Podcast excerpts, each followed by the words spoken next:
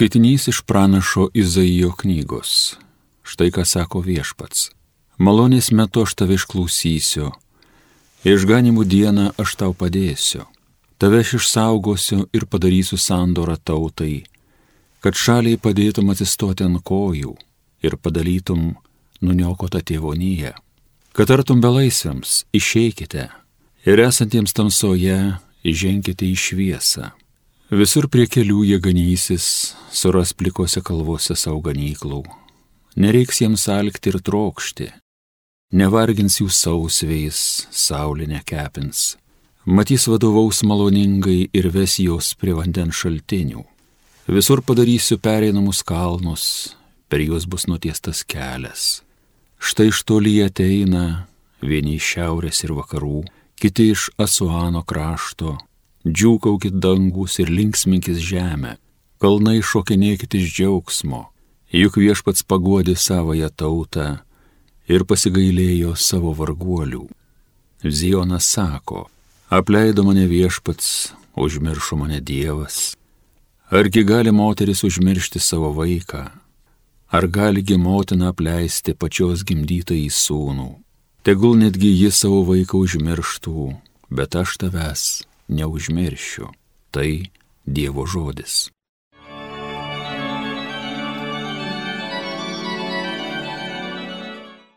Viešpat švelnus maloningas. Viešpat švelnus gailestingas, didžiai maloningas, rūstaut negreitas. Viešpats visiems yra geras, savo visiems kūriniams gailestingas. Viešpats švelnus maloningas. Kas viešpaties ištarta tikra, kas jo padaryta tas šventa. Klumpantį viešpats prilaiko, parpuolusiam padeda vėl atsistoti Viešpats švelnus maloningas, kur viešpats žengia, žengia teisingai, ką jis padaro, tas šventa. Dievas arti kiekvienam, kas jo šaukės, kiekvienam, kas iš tyros širdies šaukės. Viešpats švelnus maloningas. Garbėtau Kristau amžinasis žodį.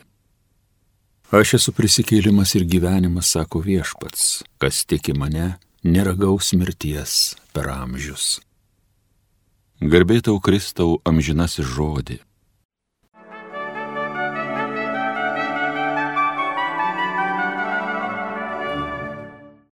Viešpat su jumis. Pasiklausykite Šventojios Evangelijos pagal Joną. Jėzus žydams sakydavo, mano tėvas darbuojasi likščioliai, todėl ir aš darbuojuosi. Užtat žydai dar labiau ieškojo progos jį nužudyti, nes jis ne tik nepaisydavo šeštadienio, bet ir vadino Dievą savojų tėvu, tuo būdu lygindama save su Dievu. Į šį kaltinimą Jėzus jiems atsakė. Iš tiesų, iš tiesų sakau jums. Sūnus nieko negali daryti iš savęs, o vien tai, ką mato darant tėvą. Ir ką bedarytų tėvas, lygiai daro ir sūnus. Nes tėvas myli sūnų ir parodo jam visą, ką pats daro. Ir jam parodys dalykų dar didesnių už šituos, kad jūs stebėsitės. Kaip tėvas prikelia numirusius ir juos atgaivina, taip ir sūnus gražina gyvybę, kam tik panorėjęs. Ir nieko tėvas neteisia, bet visą teismą pavedė sūnui, kad visi gerbtų sūnų, kaip gerbė tėvą. Kas negerbė sūnaus, tas negerbė jį siuntusio tėvo. Iš tiesų, iš tiesų sakau jums, kas mano žodžių klauso ir mane atsiuntusi tiki, tas turi amžiną į gyvenimą ir nepateks į teismą, nes iš mirties yra perėjęs į gyvenimą. Iš tiesų, iš tiesų sakau jums, ateis valanda, ir dabar jau yra, kada mirusieji išgirs Dievo sūnaus balsą. Ir kurie išgirs, tie atgis. Kaip tėvas turi gyvybę savyje, taip davė ir sūnui turėti gyvybę savyje. Jis taipogi suteikė jam galę teisti, nes jis žmogaus sūnus. Nesistebėkite, kad ateis valanda, kai visi gulintieji kapuose išgirs jo balsą.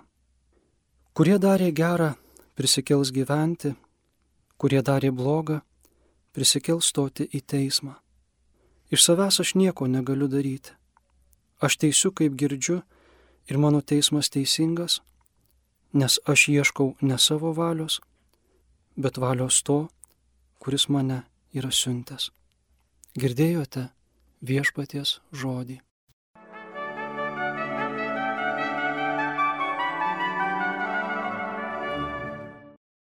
Esat matę, kaip ginčiasi vaikai. Nieko intelektualaus, tik kartojamas tas pats žodis. Ir kas paskutinis pasako, to ir viršus. Labai panašu į mūsiškę diskusijų kultūrą, jei žodis kultūra čia tinka. Laimi tas, kas kalba paskutinis. Nesvarbu, kad prieš tai pasakyti argumentai buvo daug svaresni ir įtaigesni. Jei tu paskutinis pasakėjai savo komentarą, tai tu ir laimėjai. Nuo amžių buvę aiškios tiesos, ar bent jau pripažinto žmogaus protą virčiuojančiomis tiesos, šiandien užslėgtos dideliu kalnu nuomonių, jausenų, komentarų. Istorija patikslins, istorija patikrins, kas buvo teisus, o kas klydo. Ji visada tai padaro. Nors jau dabar galima atspėti, kas tikra, kas teisinga, o kas tik noras apginti savąjį, neretai savanaudišką interesą. Pralaimėjusis ne tik teisiamas, bet ir nužudomas. Jėzus sako, aš esu Dievas. O rašto aiškintojai, ne, tu apsišaukėlis ir pikdžodžiautojas. Ir dabar žinok, kas teisus. Gal abipusės. Na turbūt tas, kas tars paskutinį žodį. Kieno argumentas bus paskutinis. Mirties nuosprendis viską užviršuoja. Dar niekas nėra įrodęs savo teisybės iš anapus.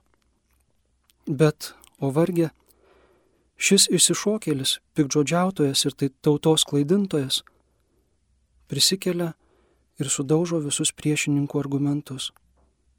Jo žodis paskutinis. Tai, ką jis sakė, yra tiesa. Jis tikrai yra Dievas, jis tikrai prikels mirusius ir jis tikrai teis pasaulį. Pamoka, kas imasi kovoti prieš Dievą ir jo įstatymą, nepaskaičiuoja savo svorio kategorijos. Vienas dalykas nugazdino skaitant šventojo rašto komentarus. Retokai susimastom apie paskutinį teismą. O apie save Jėzus sako, kad tėvas jam pavedė teismą, paskutinį teismą. Tėvas suteikė jam galę teisti, nes jis žmogaus sūnus. Yra dvi priežastys, kodėl Jėzui kaip žmogaus sūnui pavedamas pasaulio teismas. Pirmoji priežastis Tapdamas žmogaus sūnumi, Dievo sūnus nusižemino. O teisdamas pasaulį kaip žmogaus sūnus, jis bus išaukštintas. Antroji priežastis - kad visi matytų teisėją. Nes paskutinėje dieną Dievą galės regėti tik gerieji, bet blogieji galės matyti Kristų jo žmogystėje. Į Kajafo klausimą, ar Jėzus yra aukščiausiojo Dievo sūnus, Jėzus atsako tiesiai. Taip, aš esu. Ir jūs dar pamatysite žmogaus sūnų, sėdintį visagalio dešinėje ir ateinantį dangaus debesyse. Kaip į mūsų gyvenimus ateis senatvė, kaip kiekvieną gyvenimą užbaigs mirtis, taip sulauksim ir šios lemtingos paskutinio teismo dienos. Tokia diena ateis į kiekvieno gyvenimą. Visi tada išvysim Kristų jo žmogystėje.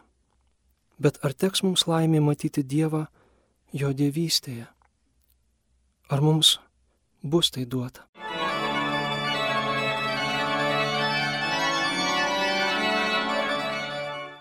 Homilija sakė kunigas Vaidotas Labašauskas.